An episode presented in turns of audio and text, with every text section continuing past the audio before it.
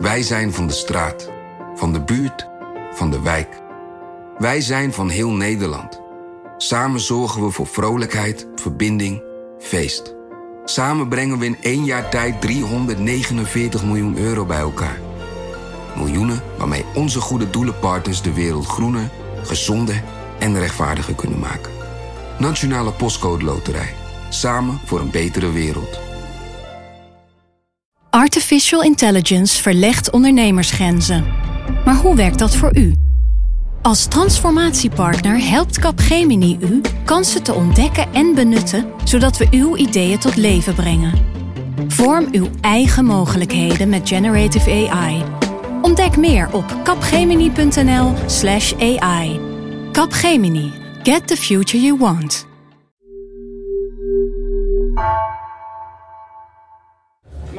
Wat u aan het opnemen bent? Ja, we zijn een podcast eh, aan het opnemen. Welke? Haagse Zaken. Ah, ik dacht het al. Ja? De stem, ja. Wat Oh, leuk. mijn stem? Ja. Lemia Arouait. Ja.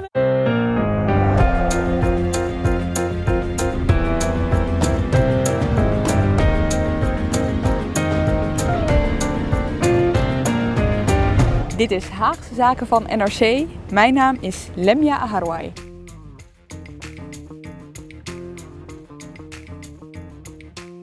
En nu denk je misschien, wat klinkt het winderig? Of ik hoor heel veel achtergrondgeluiden. Dat klopt. Want tot mijn grote ongemak zitten we niet in het ko- kokonnetje van onze studio, maar staan we buiten op het Binnenhof. Het reces is begonnen, het zomerreces. En dat betekent dat iedereen de straat op moet. En dat zijn we dus zelf ook maar eventjes gaan doen. En in deze zomeraflevering van Haagse Zaken gaan we langs allerlei plekken in de Haagse horeca die een plekje in de politieke geschiedenis hebben verdiend. En eh, dat doe ik niet alleen. Ik ben eh, geflankeerd door aan mijn linkerzijde. Ja, hij dacht dat hij van ons af was toen hij met pensioen ging, maar helaas, dat is niet het geval. Ja, jullie zijn ook niet van mij af. Dus het, Leuk dat je erbij bent. En Titia Ketelaar, want als er iemand is die het Binnenhof op haar duimpje kent, dan is dat natuurlijk Titia. Welkom allebei. Ja, jullie staan er iets gemakkelijker bij dan, eh, dan ik zelf. maar dat komt wel door de dag heen, denk ik, dat ik datzelfde gevoel eh, weet te omarmen. Dan vind je het er wel doorheen. dat we op safari zijn. Ik voel het een beetje alsof we op safari Ja. zijn. Eigenlijk wel. Dat is toch de mooiste plek om te beginnen hier op het eh Binnenhof bij de fontein. Om, om- omschrijf eens wat jullie zien. Nou, vooral wat we even niet zien, want dat was mijn verbazing toen we hier kwamen aanlopen. We staan voor de ridderzaal en normaal staat hier Moes met zijn ijskookkarretje. Als je het nou hebt over iconische plekken waar politici gaan eten. Ik weet niet of je ijsko eten kan noemen, maar ik denk dat Moes in de 43 jaar dat hij hier al staat... ongeveer iedere premier sindsdien een ijsje heeft gegeven. Ja, ik sprak hem niet zo lang geleden toen we hier stonden te posten voor de formatie. En toen vertelde hij dat eh, Rutte loopt hier altijd rond tegenwoordig. En dan eh, roept hij aan al die dagjes mensen dat ze hun ijsje bij Moes moeten gaan eh, halen. En toen vertelde hij dat Rutte eigenlijk zelf nooit een ijsje komt halen. maar dat Fred Teven een groot afnemer was bij hem. Kijk, Ja, best wel, ja. Die mist hij. Vroeger was dit gewoon een parkeerplaats. Hè? Er stonden hier allemaal auto's geparkeerd op dit Binnenhof. Er staan nu, je hoort ze misschien ook wel wat op de achtergrond, eh, vooral bouwvakkers. Want die verbouwing die is al een beetje Die is begonnen. aanstaande, ja. Want voor de duidelijkheid, we zien hier de Tweede Kamer, we zien hier de Eerste Kamer, we zien hier de Ridderzaal. En dit is het beginpunt van een eh, lange dag, want jullie loodsen mij langs verschillende plekken vandaag. En we gaan beginnen op het buitenhof. Dus door de poort heen naar die andere iconische plek. Oké, let's go.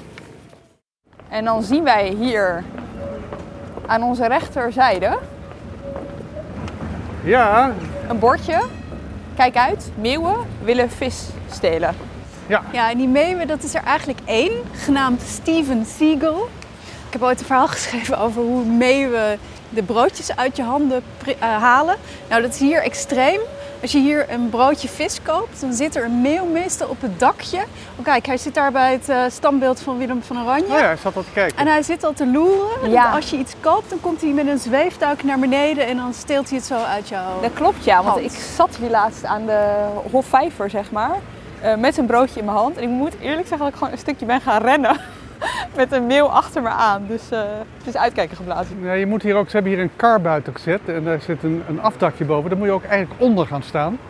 Want daar durft hij dan, eh, tenzij hij heel erg honger heeft, Daar durft hij niet onder te komen. Dus dan kan je ook Waar- redelijk veilig je haring eten. Nou, ook dit is gewoon een plek waar, waar je eigenlijk altijd politici treft. Even in, het, weet je, in de schorsing van, eh, van een debat.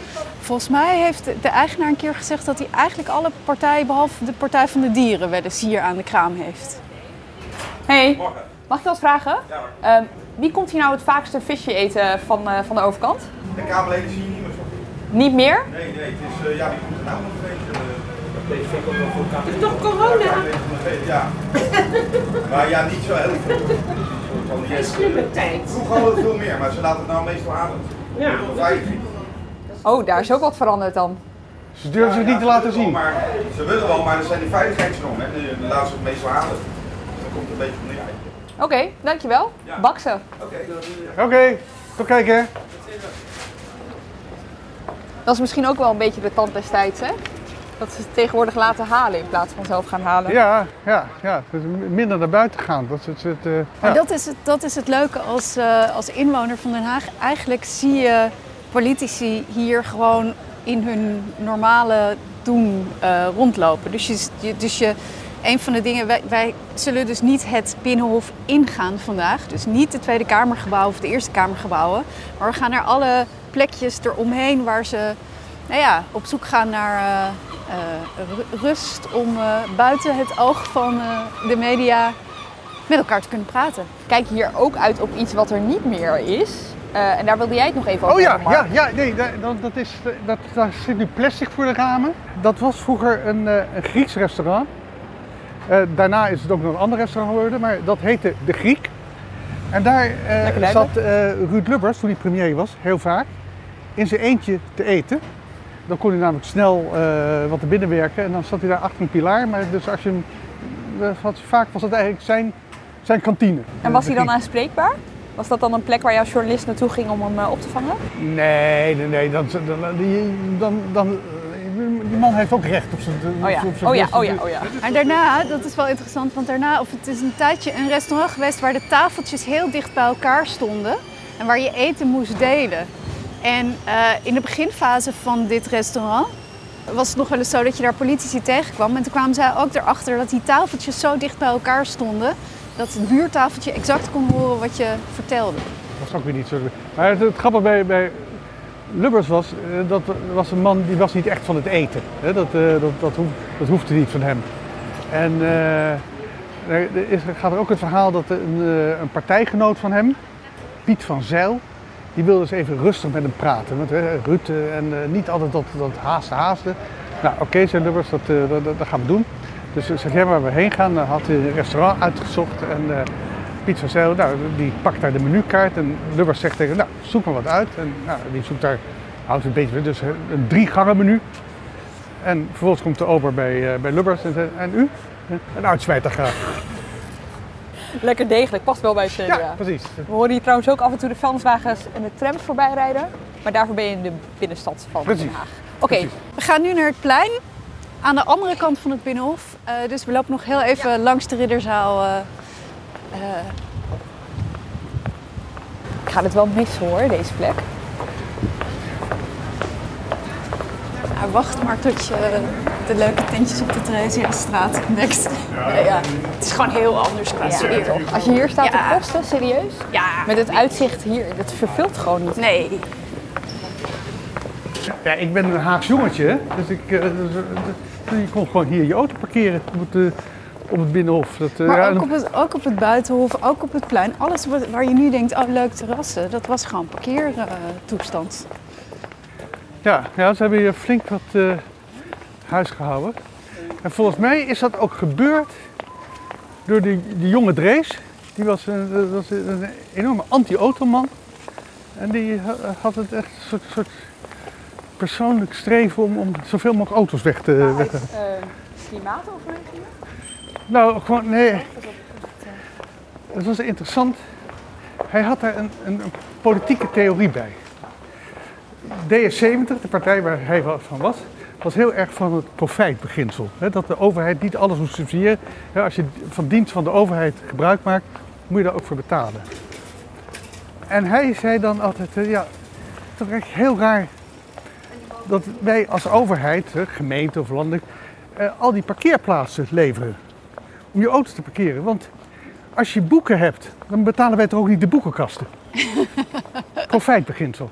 Drees, onthoud die naam. Hey, we Het komen wordt nu, hele groot, of niet?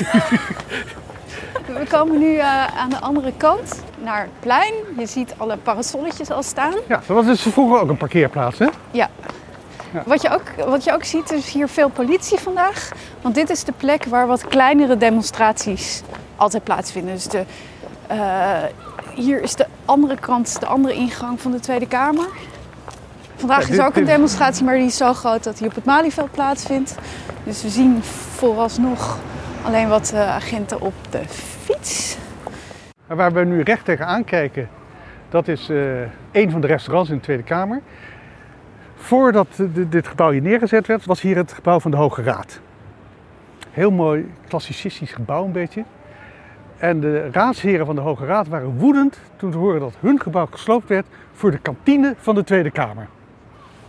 Ik vind het ook heel mooi dat jij het gewoon kantine noemt en Dat, niet zo restaurant. noemden zij dat. Ja, ja, dat was de kantine inderdaad. Ja, jongens, laten we eerlijk zijn. Het is natuurlijk ook niet meer dan een kantine. Het is hè? gewoon een kantine, precies. Het, eh, daarom, gaan, daarom gaan ook veel mensen even naar buiten toe. En daar onder een van deze eh, parasolletjes nemen ze plaats. Waar, eh, waar moeten we gaan zitten, Tietje? Ja, Eh, dit is ja, kijk dat maakt eigenlijk niet zo uit. We, we hebben, eh, eh, Iris, onze producent, die heeft een mooi plekje gereserveerd. En we gaan koffie drinken. Want dat doe je om deze tijd eh, s ochtends. En dan moet je altijd toch even goed kijken wie er allemaal zit. Je Ja. kan altijd al een beetje aan de Dan zie je een lobbyist zitten en zo, dus het, of eh, eh, Oh ja, je lobbyist. Eh, ziet ons niet. Journalisten zien we inderdaad. Eh, we worden ook al toegeknikt. Ja, Eh, we zijn nu aan de, wat officieel de zuidkant is. En de zuidkant is als je gezien wil worden, dan ga je hier zitten. En dan ga je dus niet op het plein zelf zitten, maar dan ga je tegen de restaurants aan zitten. Dat is, eh, kijk eens met wie ik hier nu zit. Maar het, het doel van ons werk is juist dat je vaak niet wil dat nee, mensen dus dan ga je binnen zit. zitten. Of je moet het plein hebben. Pas op hoor voor jongens, fietser. oh, ga. Eh, naarmate de dag vordert, wordt het hier natuurlijk drukker. Naarmate de week vordert, wordt het hier drukker. Met name donderdagavond, als de laatste debatten zijn geweest, dan eh, stroomt het hier vol met met name assistenten, maar ook jonge ambtenaren. Het is echt een soort eh who's who van bestuurlijk, politiek Nederland. Het is voor, voor je werk. Hè? Eh, als je iemand wil, wil, spreken. Ik weet de plek waar wij nu zitten, een strategisch hele goede plek tijdens eh, kabinetsformaties. Eh, want dit is ook het, op weg naar het stationpad. Dus er komen heel veel mensen die klaar zijn, Kamerleden of medewerkers en zo. En die lopen zo lang. En als, hadden als redactie van NRC Handelsblad toen, het was enige NRC Handelsblad, hadden we hier, ik denk bijna deze tafel. Over wanneer hebben we het nu? Dat was de formatie van Paars, Heerlijk, ga door. 94. Alleen het, het restaurant heette anders toen, het café. En daar zaten we altijd zo vanaf een uur of vier.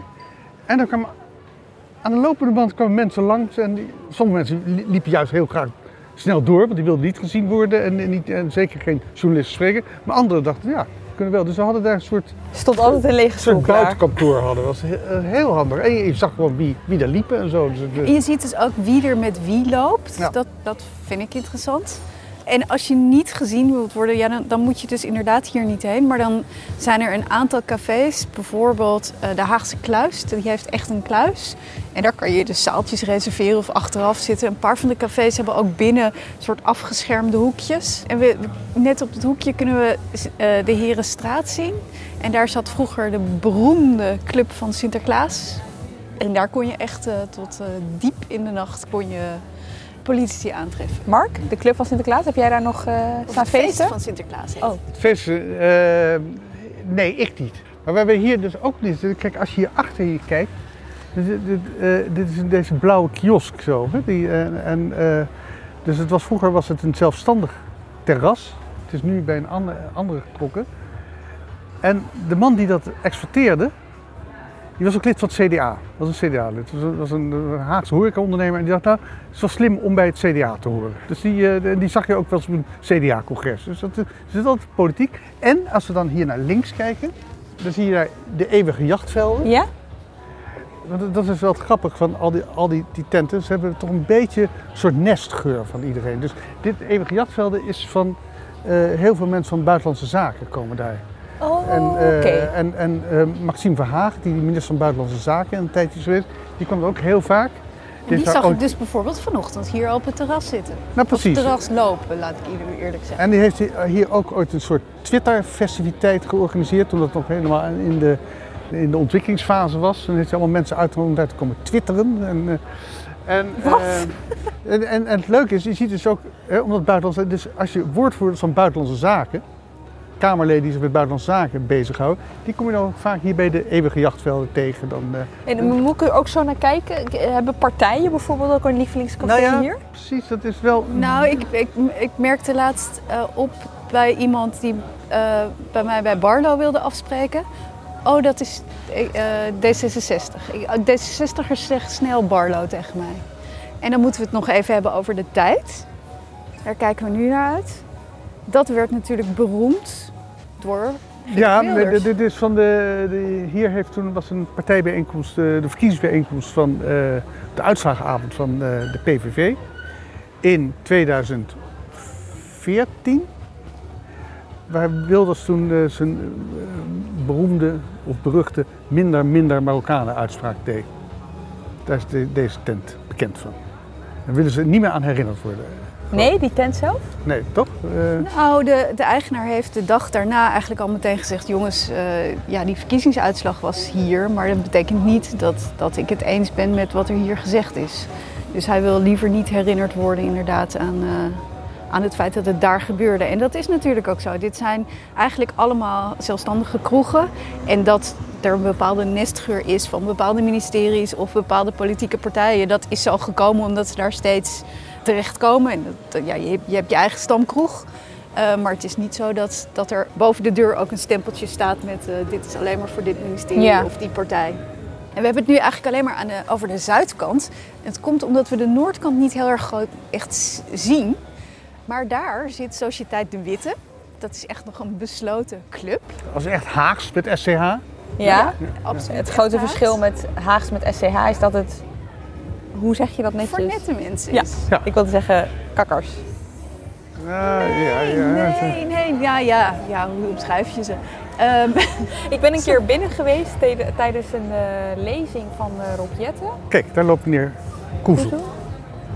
Daar zag ik wel veel parelkettingen en eh, ja, vrouwen die nog echt naar de kapper gaan om hun haar mooi hoog te laten ja, veunen. dat is Den en, Haag, ja. Nee, het is, het, is, het is een club. Je moet er ook lid van worden. En, Ja. dat is, en eh, volgens mij dat is, dat is wel een- heel veel.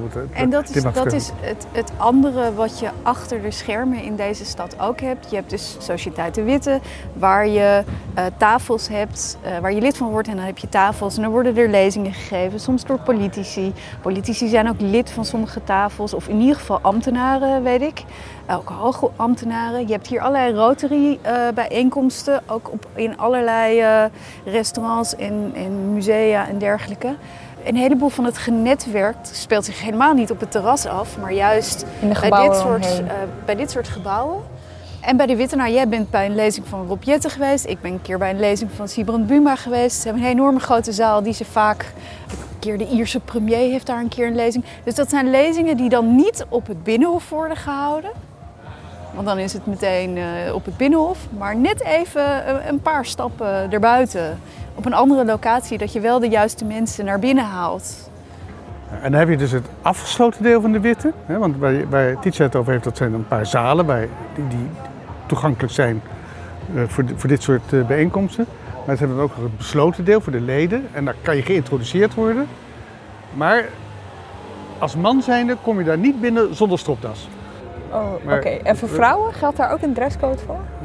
Daar heb ik nooit iets van gemerkt. Nee, want we- dat was natuurlijk vroeger wel dat de dresscode dat vrouwen niet in broek en zo mochten. Maar dat, dat, dat geloof ik niet zo. Nee. Wat dat betreft hebben jullie het weer veel makkelijker, vrouwen.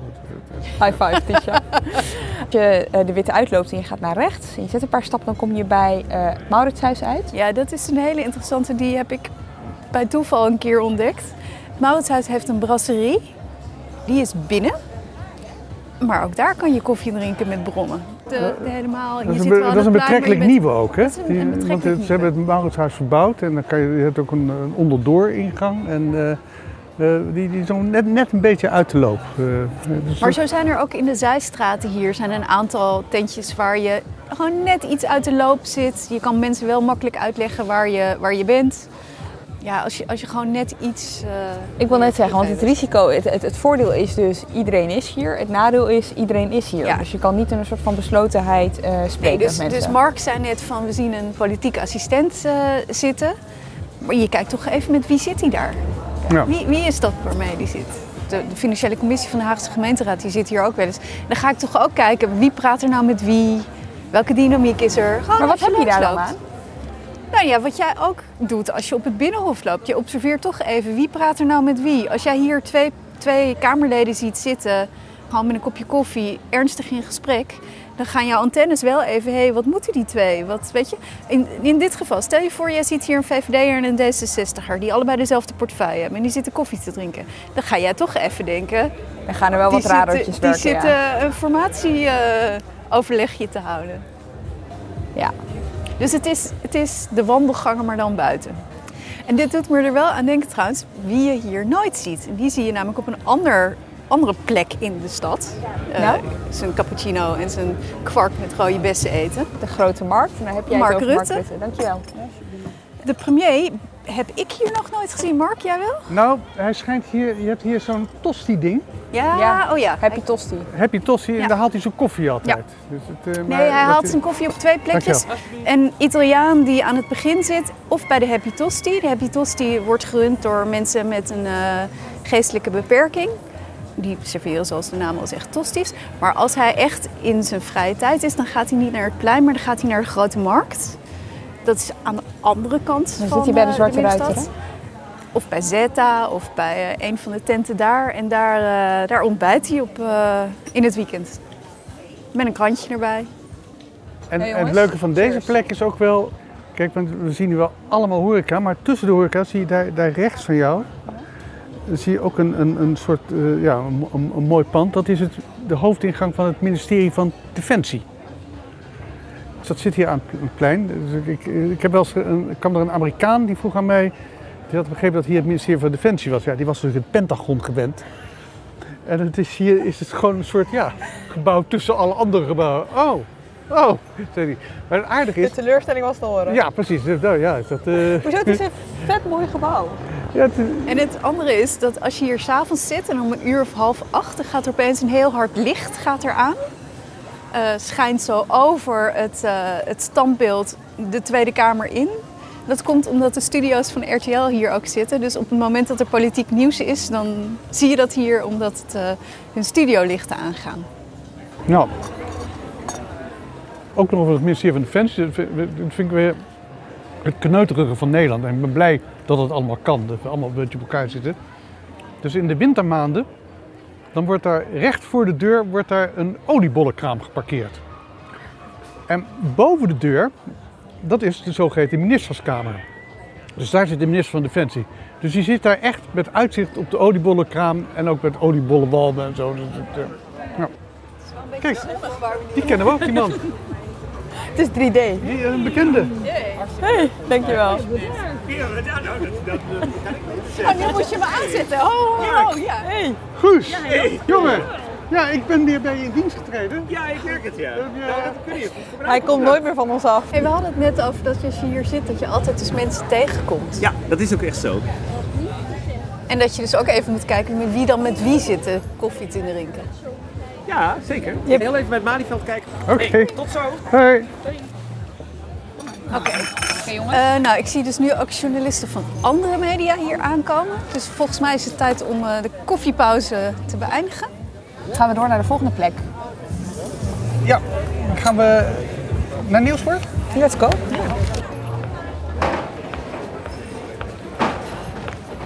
Om eh, in Nieuwsport te komen moet je eerst op een belletje drukken. Ja, En dan gaat de deur open. En dan staat er hier een bordje. ja, hier zit achter deze deur geldt de Nieuwsportcode. En dan lopen we de deur doorheen. die nieuwsportcode die je ziet als je naar binnen loopt. Wat betekent dat nou eigenlijk? Nou ja, dat is, wij proberen, het is best moeilijk. Tegenwoordig iedereen heeft een telefoon. en Ja, het is bijna niet te checken. Maar er is inderdaad nog, steeds- nog steeds een soort regel. Er mag niet gefotografeerd worden. Ja, en eh, ja, wat hier gezegd wordt, mag eigenlijk niet naar buiten toe. Er mag niet letterlijk geciteerd worden, geloof Maar hoe is dat ooit zo beetje- eh, begonnen?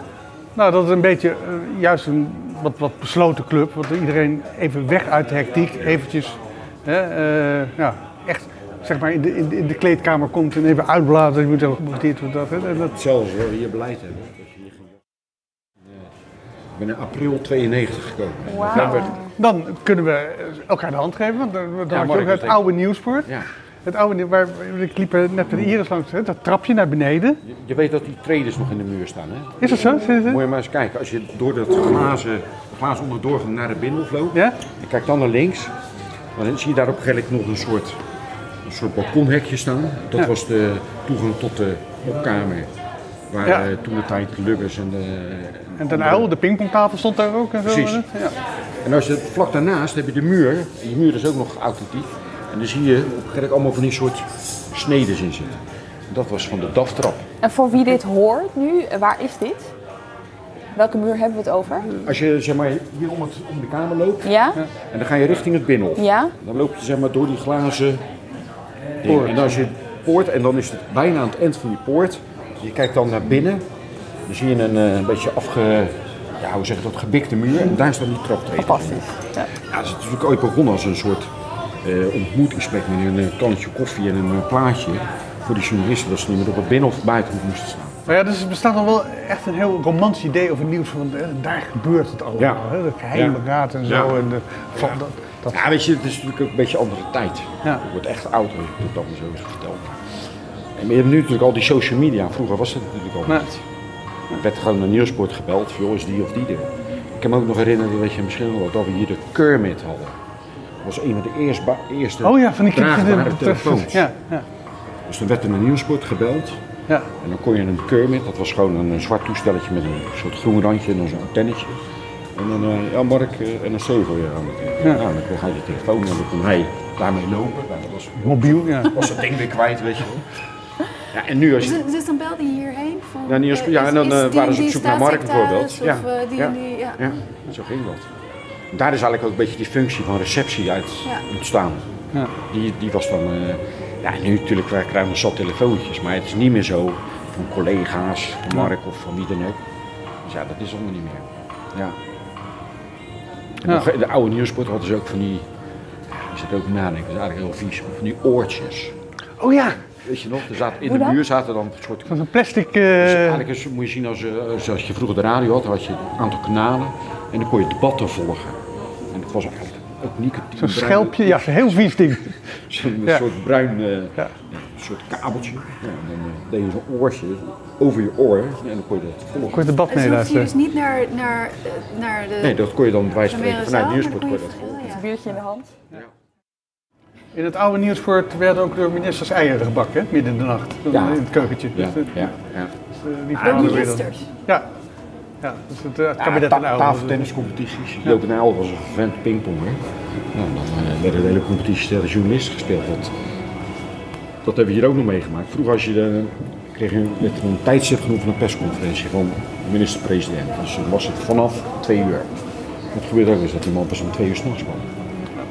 Al die tijd waren de journalisten, ja, of ze gingen even naar de redactie, maar ze waren ook heel vaak nieuwsport. Nou, wat ga je doen? Met je pingpongen.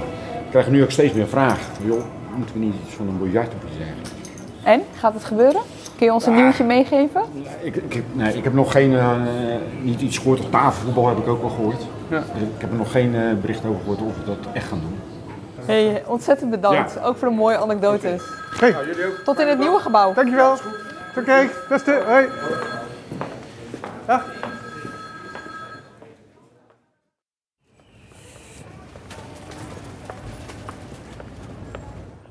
Nou, hier dan. Ja. eh, nee, dus hier, ja, hier moet je dan het trapje zien. Hij zei, je ziet ze in de muur. Je ziet ze in de muur, zei hij. Oh, daar! Kijk, daar zie je een trap. Oh, hier. Was het hier dan al? Ja. Ja, ja, ja. Oh ja, ja, ja, tuurlijk. Je ziet de stapjes Ja. hier erin. Dat is logisch, want als het terras daar was... Ja, en wat ik dus leerde, waarom het verschil in de kleur van de stenen is, dat roze gedeelte, dat was tot waar vroeger de gracht was. Want dit is een gracht geweest, hè? Oh, dit ja. was een gracht. Dus het roze gedeelte eh, heeft dus onder water gezeten. Nou, ik ga nu iedere keer heel anders naar de, naar de Ja, deur hier zie je dus ook de deuren nog. Hier is ook Binnenhof 5. De bar van Binnenhof 5 was hier. Eh, dat was het, eh, het honk van Marcel van Dam. Daar kon je dus binnen door. En eh, nou, daar werd behoorlijk eh, rond het borreluur al geschonken. Maar dat was ook de tijd dat het normaal was. We hebben het over de veranderende cultuur. Ja? En er werden commissievergaderingen gehouden, wat je nu ook wel ziet. En dan komt er zo iemand die komt koffie uitserveren. Daar, als de vijf uur de klok zat, kwam ze met een groot dienblad met bier, sherry, wijn, Jenever. jenever. En dat, dat is volkomen normaal. Oh, daar staat Grapperhaus een statement te geven. Oh ja. Is dit nou het logement? Ja, ja voor mij wel. Hoe kom je daar binnen? Eh, de deur ernaast. Oh, Ja. ik ben er nog nooit binnen geweest. Dus is uh, bij oude facility. buitenlandse zaken. En hier loopt dus die de atoomgang dan hier doorheen. Wat? Ja, hier loopt dus, hier zit een Oké, wacht zit- even. Aan onze rechterzijde is nu de Tweede Kamer, de ingang via, de plein, eh, via het plein, zeg Ja. maar. En dan hebben we het plein en aan onze linkerkant staat een soort bijgebouw van de Tweede Kamer, het logement. Ja, maar de- kijk even naar boven. Dat is dus waar vroeger de Amsterdammers in zaten. Hè? Ja. Dus, Oké. Je ziet daar het, eh, het, eh, het wapen van Amsterdam. Ja. Maar en hieronder, zat dus vroeger de oude bunker. Ook nog de Koude Oorlogbunker. En ergens, ik, ik weet niet precies waar, maar in de parkeergarage kan je dus dat ook nog zien. Het kan, tenminste dit heb ik als verhaal gehoord, kan dus ook weer opengebroken worden. Dat mocht het nodig zijn, dat daar... Nee, maar nee, het is gewoon de tweede laag, is de atoomvrije, dat is de Ja, atoombunker. maar er is ook nog een, eh, een eh, volgens mij Ja, ook nog een apart deel aparte dus. ruimte voor de regering. Ja. Ja. Lemja kijkt heel ja, verbaasd. dit, Lemja, dit het heb was ik nog nooit gehoord. Ja. Hier wil ik eh, een keer gaan kijken nu. Dat, eh, daar hebben ze ook wel eens oefeningen in gedaan, geloof ik. Dat, eh, en daar staan ook, eh, denk ik, eh, containers met bonen en zo. En eh, voor, voor, voor voedsel en zo. Maar, ja, misschien is het nadat de Koude Oorlog was afgelopen. Ze dachten, dit, nooit meer. Dat, nee, dat staat hieronder, ja. Dan gaan we nu om de hoek. En daar zit onze volgende locatie. Slemmer. Nou, we moeten nog even lopen hoor. Want kijk, dat is juist ook een beetje de kracht van Slemmer. Dat het net een beetje uit de loop zit. Ja.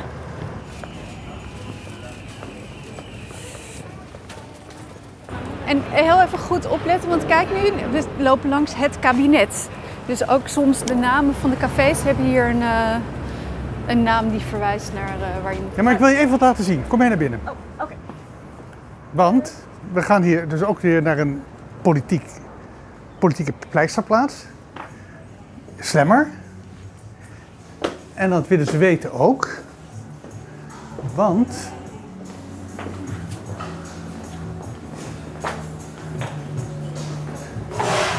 Wat staat hier?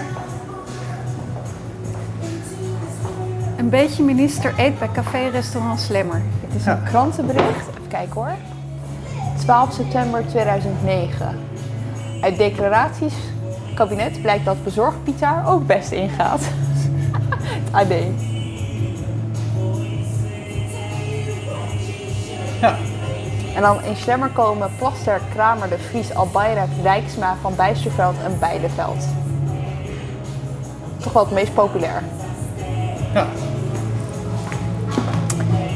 Eh, dit is dus niet de ingang.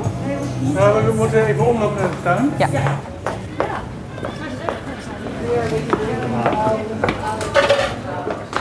Trapje op, af, trapje op.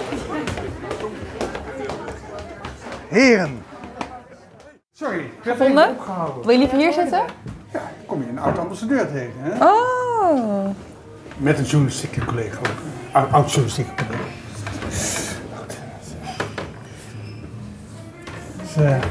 De laatste ambassadeur in Oost-Duitsland. Ehm, Zie daar gaan jullie al. Wie zit met wie?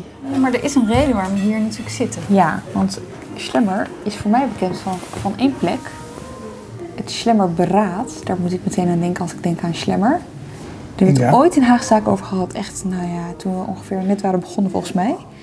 Dit is de plek waar Jan-Peter Balkenende... tot Jan-Peter Balkenende als premier Ja, werd dus we hebben het begin van deze eeuw. Ja. Ja. Eh, Ja. Eind eh, jaren 90 zelfs, begin jaren 90. Even kijken, onze collega Jutta Goris heeft er ooit een fantastisch stuk over geschreven. Jan-Peter en de Slemmer Club. Dat zetten we wel even in de show notes. Maar ehm 95. En eh, zes CDA-leden, allemaal dertigers, die kwamen bij elkaar. Hier in Slemmer, boven in de Bogenzaal. Jan-Peter Balken en Ab Klink waren toen allebei medewerker van het Wetenschappelijk Wetenschappelijk Instituut. Instituut, Ja. En eh, René Smits, havenwethouder in Rotterdam. En drie economen. Sylvester Eifinger, Lans Bovenberg en Kees Koedijk. En het CDA, daar ging het echt ontzettend slecht mee in die periode. Tenminste, dat vonden ze zelf ook wel. Hans Hille die kijkt er in dat stuk van Jutta op terug en die zegt... de VVD en de PvdA ridiculiseerden ons. Wat we ook zeiden, het had geen enkele kracht. Iedereen danste op ons. Het CDA zat met een enorme kater, want ze hadden net de, de hoogtijdagen met Lubbers gehad. En toen was Brinkman was aangewezen op voor. Toen hebben ze een enorme duikeling bij de verkiezingen gemaakt van uit mijn hoofd 20 zetels verlies. De ideeën waren op. Zo Ja. zegt eh eh, Ab klinkt dat eh, in dat eh, stuk.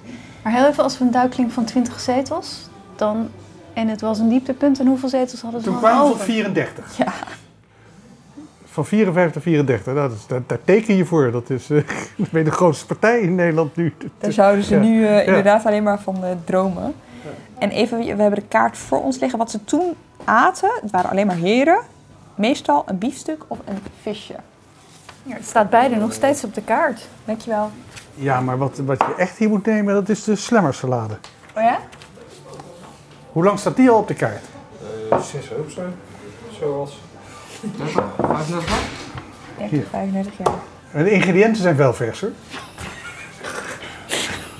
Een beetje een dad joke, Mark. Ah, ik ga hem nemen. Het is namelijk erg lekker. Maar waarom heet het een beraad? Alles heet altijd in Den Haag een beraad. Wat, wat is... Waarom kan dit niet gewoon een overleg zijn? Of een, weet ik veel, een bol? Of een... eh, Beraad klinkt natuurlijk wel wat meer, wat intellectueler. Wat Nou, meer doorwrochten. Nee, ja, we zitten natuurlijk in een hoog politieke omgeving. Hè? En beraad, tenminste zo, is meer aftastend. Overleg, dan moet je ook tot een akkoord zien te komen aan het eind. En wat jij net schetste, Lemjo, over eh, die club rondom Jan-Peter Balkende. Ja, die waren dus nog zoekende om het CDA weer meer smoel te geven. Ja, ze wilden het CDA vernieuwen. Ze begonnen Ja. dan ook iedere keer, dus om de beurt moesten ze iets voorbereiden over politiek of over economie. En dan hield één van de, wat zijn ze, zes, hield een inleiding en dan Ja. ging de rest daarop reflecteren. Ja. Dus dan, ja, dan is het een, ja, een beetje een studiegenootschap.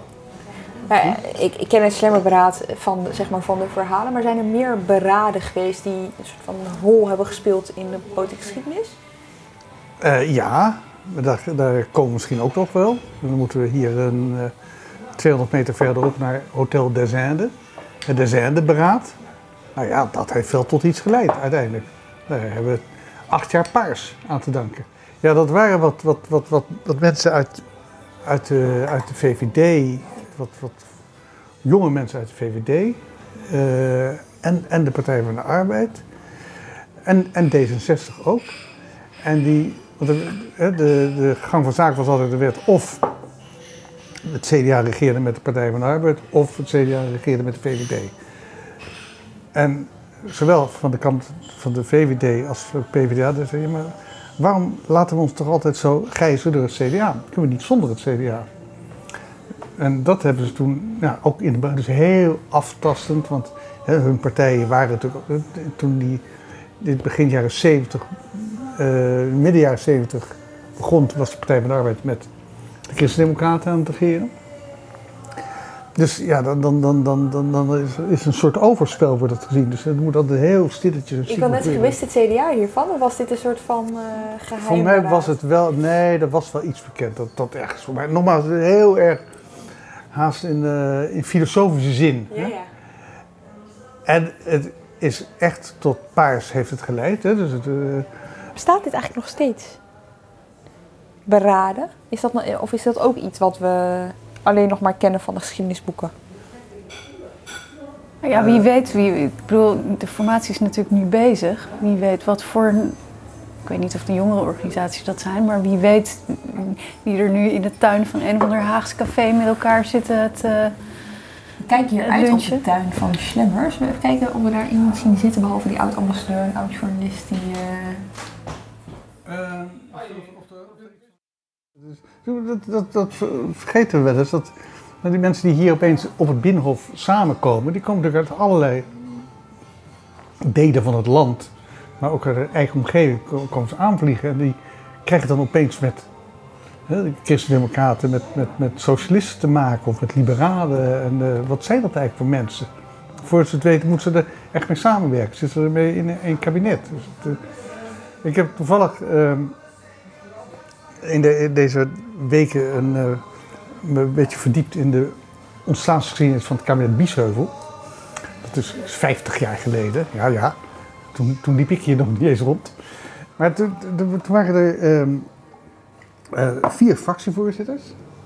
Van, eh, want het, CDA bestond toen nog uit drie christelijke partijen. En de VVD, die waren op werkbezoek in Groot-Brittannië. En ehm, toen, eh, nou, toen waren ze stuk s'avonds klaar en dan, gingen ze een afzakkertje eh, in, in de bar halen. En de eh, voorman van de VVD toen, Molly Geertsema, hè, daarvan was bekend, die had een enorme afkeer van een van die christelijke leiders van, van Biesheuvel. En eh, toen heeft ze gezegd, nee, praat nou eens met Biesheuvel samen. Dus toen is hij s'avonds aan de bar, is hij daar eh, nou, met, een glaasje. En toen is, is daar de sfeer wat ontdooid. En toen zijn daarna zijn die andere leiders ook steeds bijgekomen. Die hielden een soort, zoals dat heet, een avondwaken bij Geertsema. Om een beetje rijp te maken. Om, eh, ja, dat, dat hij best, best met zijn zee komt. Het heeft me altijd wel een beetje eh, geïntegreerd. Want als je kijkt naar zo'n formatie bijvoorbeeld, dan kijk je natuurlijk heel erg naar eh, passen de standpunten bij elkaar. Je ziet nu bijvoorbeeld PvdA en GroenLinks worden allebei als een bedreiging gezien door VVD en, eh, en CDA. Of tenminste, die vinden dat te veel, dat linkse blok. Wij kijken dan heel erg naar ideeën, hè? past dat wel of niet bij elkaar. Maar die persoonlijke verhoudingen, die zijn natuurlijk net zo belangrijk. En Precies. die worden afgetast in dit soort Ja, daar kan je dus heel goed bij voorstellen, hè, wat, wat we in het stadium waar, we nu in zitten. eh, De, de, de, de VVD en het CDA voelen niks voor de combinatie Ja. PvdA GroenLinks. Hè, dat op een gegeven moment we zeggen, ja, maar jongens, wat zeg je nou wat? Maar, ga eens met ze eten. Hè, en ga eens even kijken en, en, en ze gewoon met, zoals dat heet, met de benen op tafel. Eh, is het nou echt zo onoverkomelijk? Ja, en, en, dan- en dan kan tijdens zo'n gesprek kan de boel ontdooien. Dus, ja, dat moet je misschien toch maar, toch maar proberen. Dat, eh, Je kan natuurlijk ook afzonderlijk met ze gaan eten. Want wat je nu hoort is dat ze ze ook van elkaar proberen los te Tuurlijk, ja, ja, ja. Dus hè, je kan Ja, ook, dat is eh, goed. Wie- wie- wat wat- Poes kan ook zeggen, eh, Lilian. Precies, want ze zijn niet alle twee nodig. Dus dat is. eh, Ja. Nee, dat, eh, dat, dat, dat kan ook. zo, Ja. En van, van, ik bedoel, verder in het proces van echte formaties hebben we volgens mij ook dat ze op andere locaties samenkomen, op geheime locaties, meer hotels en dat eh, soort. bij, bij, eh, bij Paars was het zo. Dat we di- direct na de verkiezingen, dat was de verkiezingen van, moet ik het goed zeggen, 94, ja. Toen heeft Bolkestein heeft Van Mierlo en Kok bij hem thuis uitgenodigd. Of, Van Mierlo, Bolkestein. Maar in ieder geval, die drie heren zijn bij elkaar gaan zitten. Ook in een informele setting, ver weg van Binnenhof. En toen is ook... of nee, Frank de Graaf had dat van de VVD. Die had het geloof ik zoiets georganiseerd. Dat, eh, ja, eh, dus dat, ze- ja, dat zijn... dat zijn- je moet- er moet een goede ambiance zijn. Hè, zoals het- Ah ja, ja, dan kan je zien dat je bij Slammer bent geweest. Want dan krijg je altijd bij de rekening een Haags hopje. Oh ja, is het zo? Ja. Is dat typisch slimmer? Ja. Zullen we naar eh, boven? Ik wil het even zien.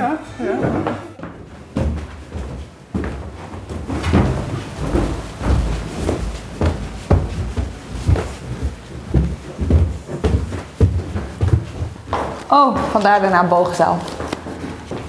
Hoezo? Oh hier. Ja. Houden, ja. De making of Jan-Peter Balkenende. Het stinkt ook echt een beetje. Ja. Een bedompte lucht. Ja. Eh, twee bogen. 1, 2, 3, 4, 5, 6, 7 kroonluchters. Acht zelfs, Limja. Oh, 8. het, eh, ja, het heeft wel iets van een soort eh, katholiek genootschap. Maar hè? wat is dit voor iets te moderne kunsten aan de muren? Ja, het is een beetje door elkaar heen. Hè? Schrikkelijk. Het is eh, fusion. Nou, weten we dat ook weer. Ik zal het nooit meer vergeten. Echt fotootjes van maken. Dankjewel. Dag. We gaan nu naar... We gaan nu, we zijn dus eh, net bij Slemmerweg en we gaan nu, steken wij over naar het Voorhout. Wel toch de, de mooiste straat van Ja, de binnenstad zeker. van Den Haag met de bomen. En daar lopen wij naar eh, de gele parasols toe en dat is de Posthoornmark. Oké. De Posthoorn, dat moet jou toch wel bekend in de oren Dat klinken. Posthoorn, ja zeker. En, en vooral jongens, niet café, maar bodega, de Posthoorn. Ik weet niet waarom je nooit café mag zeggen, maar Omdat het een bodega is. Een café is een beetje ordinair.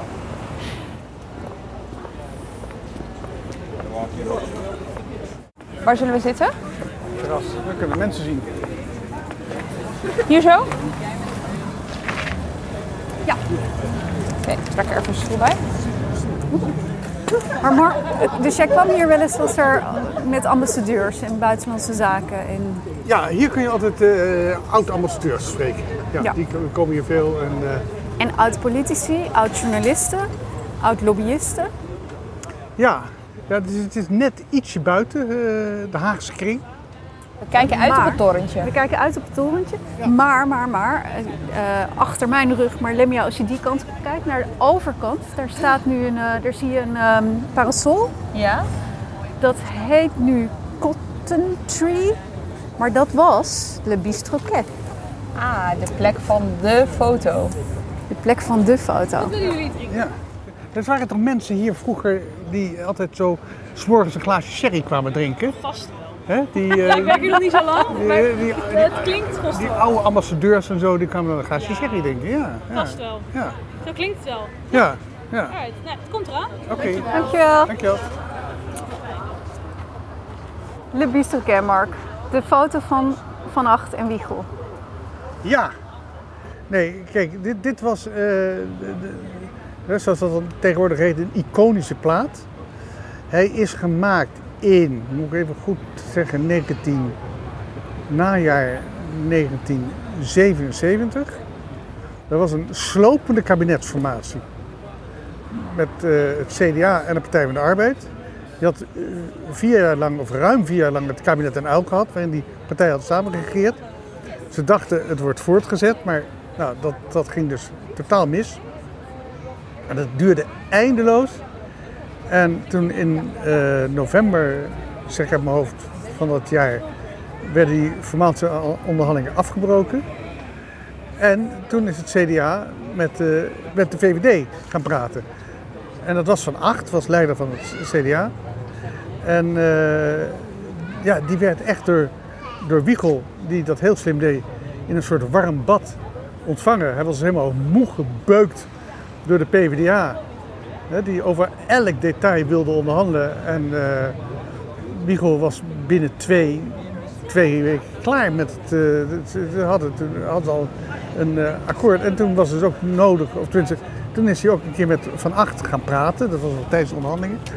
Nou, daar hebben ze ervoor gezorgd dat er ook fotografen bij waren. Of in ieder geval één fotograaf.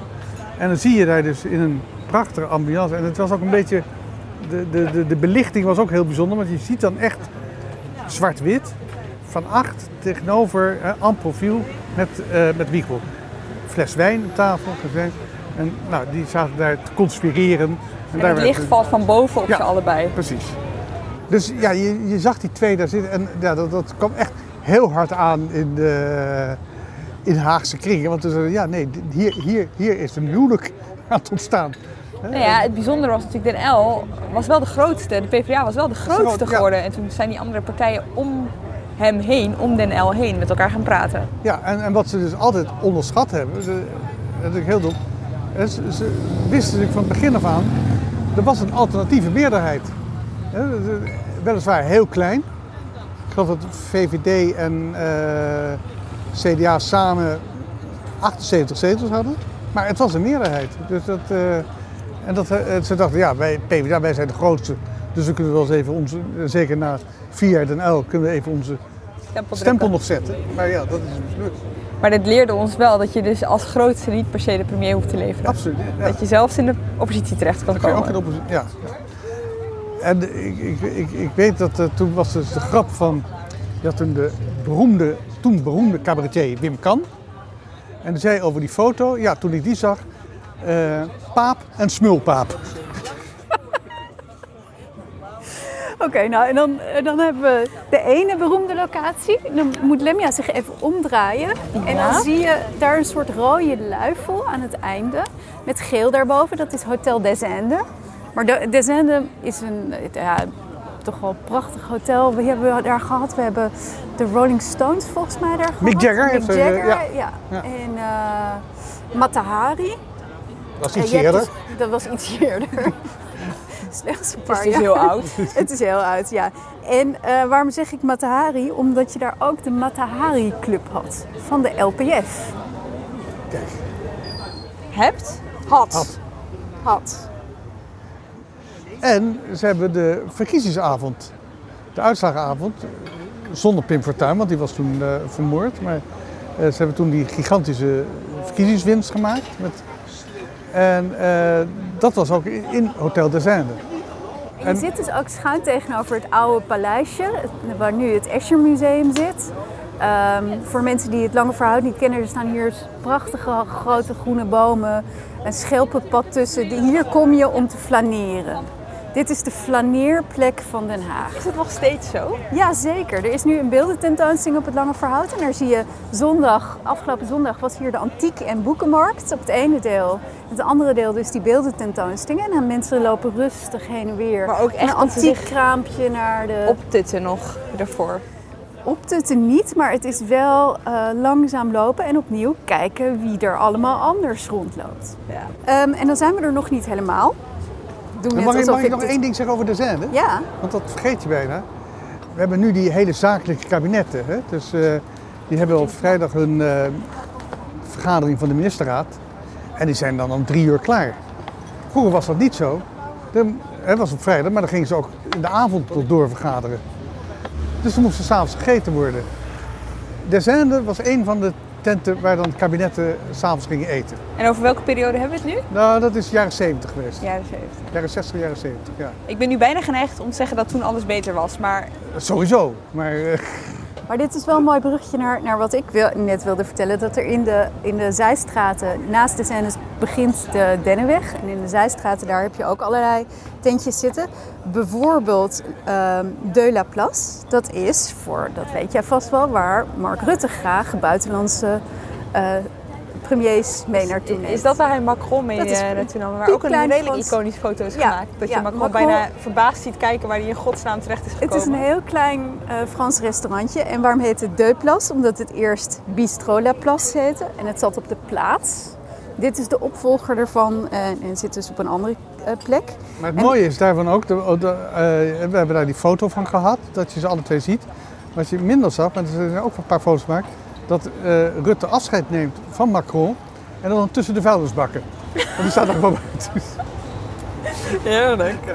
En, dus, en wat je dus dan in buitenlandse media vaak ziet, is inderdaad hoe dan de premier met de andere premier daarheen loopt. Want het is een klein stukje lopen. Eh, De, de oorspronkelijke La Place, dus Bistro La Place, dat was de plek waar ja, het informele crisiscentrum van Rutte 2. Dus als er iets besproken moest worden, dan was dat daar. Dan wisten jullie ook dat jullie daar moesten gaan staan. Ik niet, maar toen was ik er al niet meer, denk ik. Dat, nou, en dan eh, heb je eh, één plek waar, waar ik nog nooit geweest ben, Mark, maar misschien jij wel. Het jagertje. Ja, dat is hier op de, de achter, eh, bij, bij de, hoe heet die gracht daar? Eh, In de Jagerstraat. Ja, En het was een herensociëteit en daar moest je ook een belletje bellen. En als Kamerleden onderling wil, dit heb ik van een oud Kamerlid, van een oud politicus gehoord. dat was heel fijn, want journalisten werden niet toegelaten daar. Dus, dus was gewoon een soort deurbeleid. En het deurbeleid was Kamerleden wel en eh, journalisten niet. Dus daar konden ze onderling dan. eh, eh, maar er slipte wel eens een journalist naar binnen. God, dat moet een informatiebron van je wel zijn Ja. geweest. Ja, en zo kunnen we nog wel even doorgaan. Want als je net de hoek omslaat, dan heb je hier dus ook allerlei... eh, je hebt de Haagse Club, dat is ook alleen verleden. En dat zijn voor een groot deel eh, diplomaten. Een sociëteit is dat, hè? Ja. ja. En dan dus eh, nou, de Koninklijke Schouwburg, we hebben Pulgri. Ja, en allerlei ruimte hier waar, waar dan inderdaad de Rotary clubs bijeenkomen, waar eetclubs bijeenkomen. Ehm, Den Haag hangt ook gewoon samen aan, ja, zoals wij hier zitten. Mensen die één keer in de maand met elkaar eten of één keer in de maand eh, sprekers hebben. Of het, gewoon het informele. En dat zijn niet alleen politici, maar dat zijn ook ambtenaren, dat zijn diplomaten, dat zijn mensen die ja, bij bedrijven werken, advocaten. Eh, het is een beetje het netwerkcircuit van, van Den Haag. Dat zich eigenlijk net buiten het Binnenhof eh, afspeelt. Ja. En deze posthoorn, de posthoorn waar we nu zitten, hè, waarom zitten we hier? Nou ja, dat, dat, dat is eh, vooral een, een, een pleisterplaats voor de mensen, voor de have-beens eigenlijk. Die al... hè? die, eh, en- Zo, en- met alle respect voor de mensen die nu om ons heen zitten overigens. Ja, nee, maar ik bedoel, de, de mensen die ooit wat in Den Haag betekend hebben, die gaan hier zitten en, en, en mijmeren over vroeger. Kijk, Dit is natuurlijk ook een beetje de plek van Louis Couperus. Zijn beeld staat hier ook om de hoek. Dus van Zoiets oude mensen en dingen die voorbij gaan. Nee, dat, staat er niet onder. Er staat onder dat eh, beeld staat zoiets. Zo, Zo ik iets zoals ben, ben ik een ja. Nee, maar ik bedoel, Couperus was natuurlijk ook van oude mensen en dingen die voorbij gaan. Nou, dat zie je dus heel, heel sterk hier in de posthoorn. En Dus, dat eh, is natuurlijk ook een beetje als je eh, politicus, journalist, lobbyist, als je hier de hele tijd in die kaastop gewerkt hebt. En ja, veel, veel mensen wonen hier toch ook. Of woonden, een bepaalde generatie zeker. Die, die ging niet iedere dag eh, met Pendelen. de tuin eh, pendelen. Ja, dan, dan ben je met pensioen en dan eh, wil je toch nog met je oude collega's praten. Oké, dus je hebt eh, de sociëteit, je hebt Rotaries. Wat voor clubs heb je nog meer? Eh, je hebt natuurlijk allerlei verenigingen. Oud, oud, hè, de, de vereniging van oud-leden van de Tweede Kamer. Oh ja? Ja. Hoe heet dat? Ja, de, de vereniging oud-leden Oh, dat heet ook zo. Lekker, oké. het- ik heb eens een keer een discussie gehad met een Britse ambassadeur die hier was. En, en dat ging over ehm, klassen. En eh, met name over, dus in, in, eh, bij de Britten, iedereen weet altijd zich, van zichzelf heel goed of die working class, middle class of upper class is.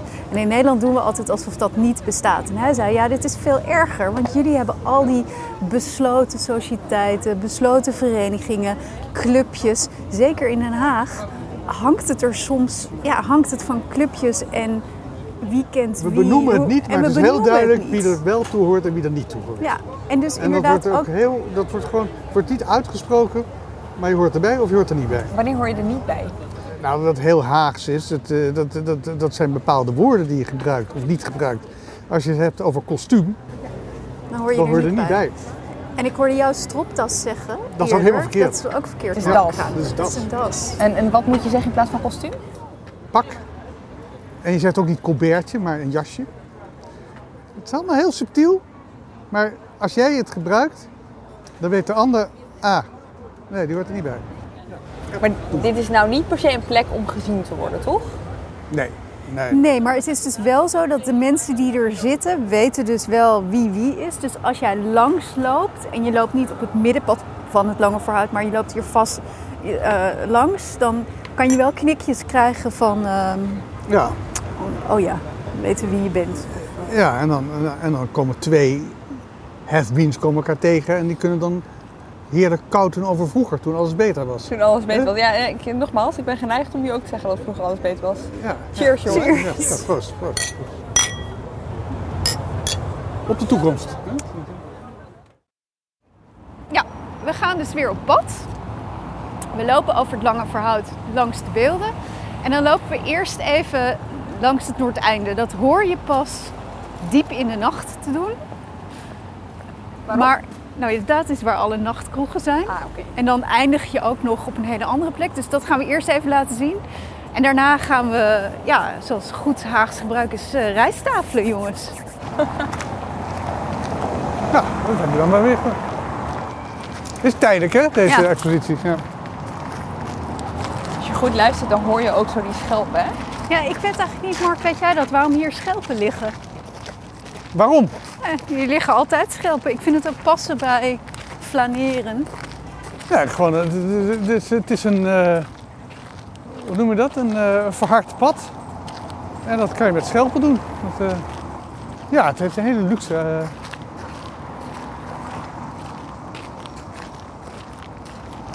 En je ziet hier dus de ambassades. Hè? Dus we kwamen net langs Zwitserland, Spanje. Eh, hier zie ik even niet op de vlaggestok wat hier zit. ja, dan hebben we toch de, de, de Britse ambassade. Zweden. Rechter nog. Nou, als we dan toch bezig zijn met een grand tour van eh, Den Haag rondom het Binnenhof, dan moeten we ook even de Kloosterkerk vermelden. Waar je ook nog wel eens eh, politici tegen kan komen als je daar zondag ter kerke gaat. Nou, sowieso op Prinsjesdag. Hè, wie dat wil, gaat dan daar naar de kerkdienst. En eh, Ik heb daar wel eens een lezing van Hugo de Jonge meegemaakt. Preek van de Leek. precies. En dan zitten ze tegenover Diligentia. En dat was toch vroeger de tempel van het cabaret, waar de politici op de hak werden genomen. Vroeger. Vroeger, ja. Nou, nee, nu ook nog wel hoor. Dus, eh, ze komen... Volgens mij heeft Joep van het Hek hier zelfs al wel eens opgetreden. Dat, eh, En dan lopen we langzaam naar het gebouw van de Raad van State. Ja. Dus zo eigenlijk al op, een, op vijf minuten afstand eh, nou heb je, eh, zit, er, zit er dus van alles. Waar, waar, waar je denkt, oh wat een mooi gebouw. Maar er zit meteen iets met, ja, toch banden met het, met het Binnenhof. Hier is ook zo'n eh, blauw bordje.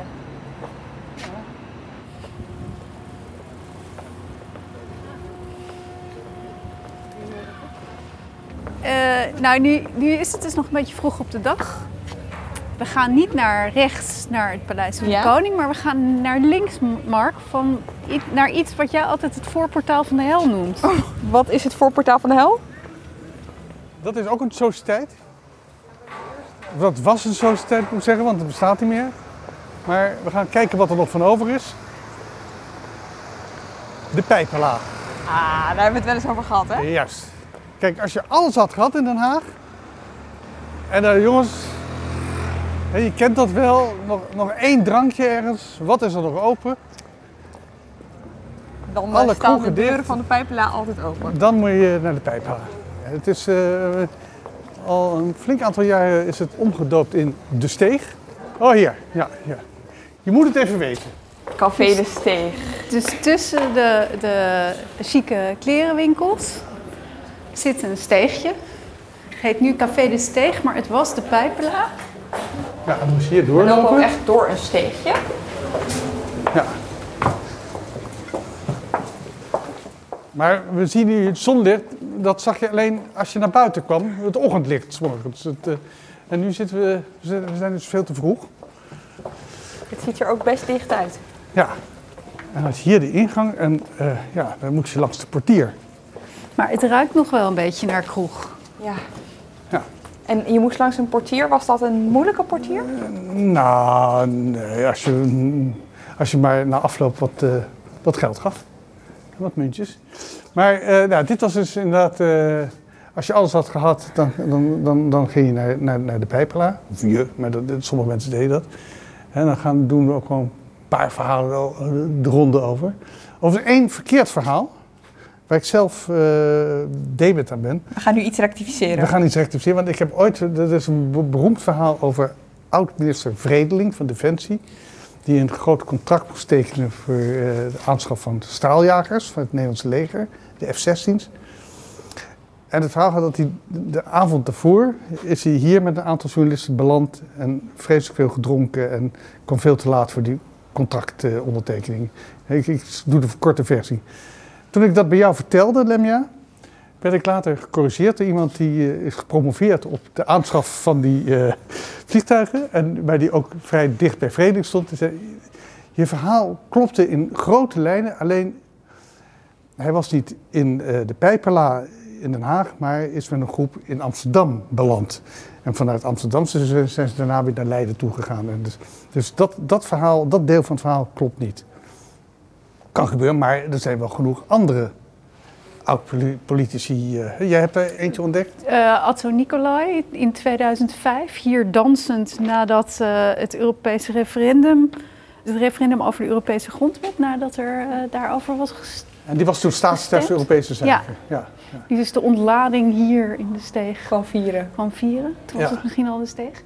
Wie hier ook ooit, en nu hebben we het over 1972. Ga steeds verder de tijd. Gaan dat was premier Barend Biesheuvel. Die is hier met een journaliste van de Haagse Krant binnengedrongen. Het was, ja, te- binnengedrongen, het was, hij is toegelaten. En daar waren, eh, was ook een foto van het eh, weekblad Panorama. En die heeft foto's gemaakt van Biesheuvel met die journalisten. En dat was tegen alle regels in. En toen was er ook een een of andere militair. En die heeft die fotograaf op, de, op zijn gezicht geslagen. Dus het is een rel geworden. Groot op de voorpagina's. Wat van- stond er op die foto? Waar zijn toen? Dat vertelt het verhaal niet. Want er stond in hetzelfde verhaal stond dat de hoofdredacteur van Panorama had beloofd dat de foto's niet zouden worden afgedrukt. Dus, eh, Dat is ook nooit gebeurd. dus, nee, maar het heeft wel in de krant dus dat er een incident was geweest. Dus het, eh, ja. Het zit we- weggestopt. Je moet weten dat het, er, Ja. dat het er is. En het ziet er ook heel erg gesloten uit nu. Nou is het ook het is te vijf vroeg. uur. Ja. Maar is het, is, het nog, is het er nog? Het is er nog. De eigenaar heeft wel aangekondigd dat hij ermee gaat stoppen. En hij heeft het kennelijk al verkocht. Aan dus wie? het blijft bestaan. Aan de broeders van het klooster die hier eh, achter zitten. En die brouwen hun eigen bier.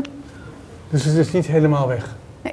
Maar dan mag ik nog even zeggen dat je dus inderdaad na de steeg... Ja, Dan ehm, in Den Haag kan je altijd, en dat is goed nieuws voor de Tweede Kamerleden, 24-7 kan je terecht bij Snackcar de Vrijheid. Die zit naast, het is, die zit niet in de loop bij het, bi- bij het Binnenhof, maar wel in de loop bij waar de Tweede Kamer nu heen gaat. Dat is een, eh, ja, een, een snackcar. Beroemd ooit om zijn broodje spekloop met chilisaus. Een delicatesse die je alleen in Den Haag tegenkomt. Die, die serveren ze niet meer, maar wel allerlei andere eh, gefrituurde dingen waar je om midden in de nacht zin in hebt. En de beroemde anekdote daar, en ik dacht altijd, nou dat, dat kan niet kloppen. Dat toen ehm, Fokker verkocht zou worden aan eh, een Duitse vliegtuigbouwer, dat er midden in de nacht 30 kroketten zijn gehaald bij Snackcar de Vrijheid om de onderhandeling een beetje, eh, nou ja, bodem te geven. Onze collega Michel Kerres, die blijkt daarbij geweest te zijn. Die onderhandelingen vonden plaats in Buitenlandse Zaken. Dat is dus nu waar de Tweede Kamer heen gaat. En Michel heeft inderdaad die nacht opgetekend. Die lag op de grond te slapen. Kwart voor vier ochtends werd een ambtenaar erop uitgestuurd om toch maar even wat voedsel te halen voor de onderhandelaars. En eh, kwam dus inderdaad terug, kwart voor vier 's nachts, met 30 kroketten. Dus als straks Demja een debat heel lang doorgaat, dan weet je waar je heen kan. Voor mijn kaassoufflé. Oké. Snackcar de Vrijheid. Juist. ja. Oh ja, en hier is de. Die trap is de, de trap naar de wc. De wc was boven. Dat was levensgevaarlijk. Zo midden in de nacht, als je behoorlijk wat had gedronken. Even Dan moest je die trap op. het raampje turen. En daarboven was de wc. Oh, het is echt een steile, smalle trap. Ja. Dus dit is echt gewoon een Er zullen er ongeluk. heel wat afgevallen zijn. Dan krijg je de val van een politicus in een heel ander context.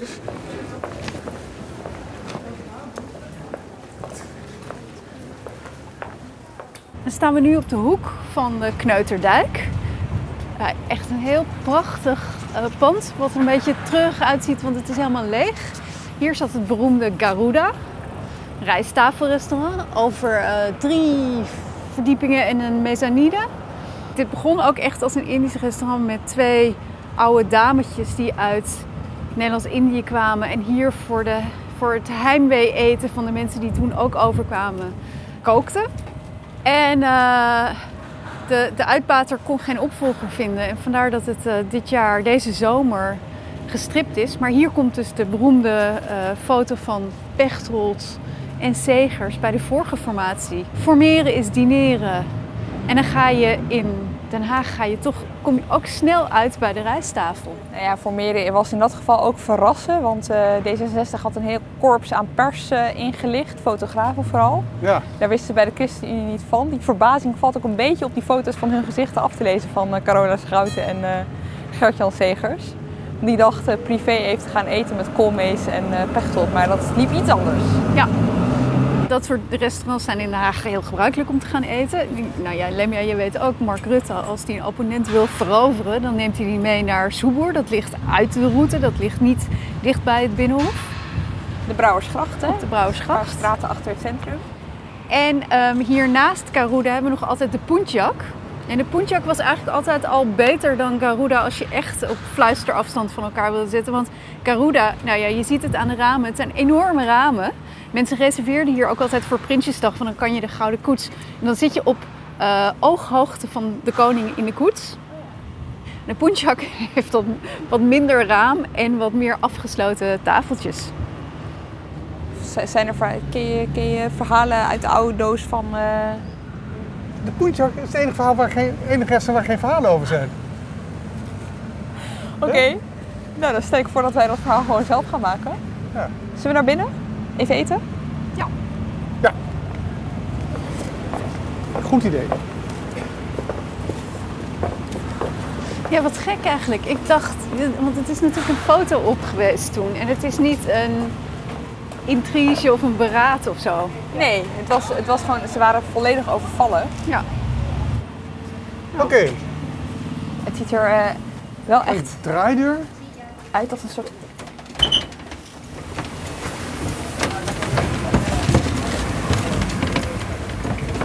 Draaien, draaien, draaien, draaien, draaien. Oh, wat heerlijk klassiek nog. Hallo. Hallo. Nou, dan gaan wij een tafeltje uitzoeken. En dan gaan we ondertussen gewoon afsluiten. Iets anders dan eh, normaal. Dank jullie wel. Tietje Ketelaar. En Mark We Kranenburg. hebben er honger van gekregen. Ja, daarom. en dank ook voor het luisteren. De productie van deze aflevering was in handen van, ze staat naast me, Iris Verhulstonk. Montage door Pieter Bakker. Tot volgende week.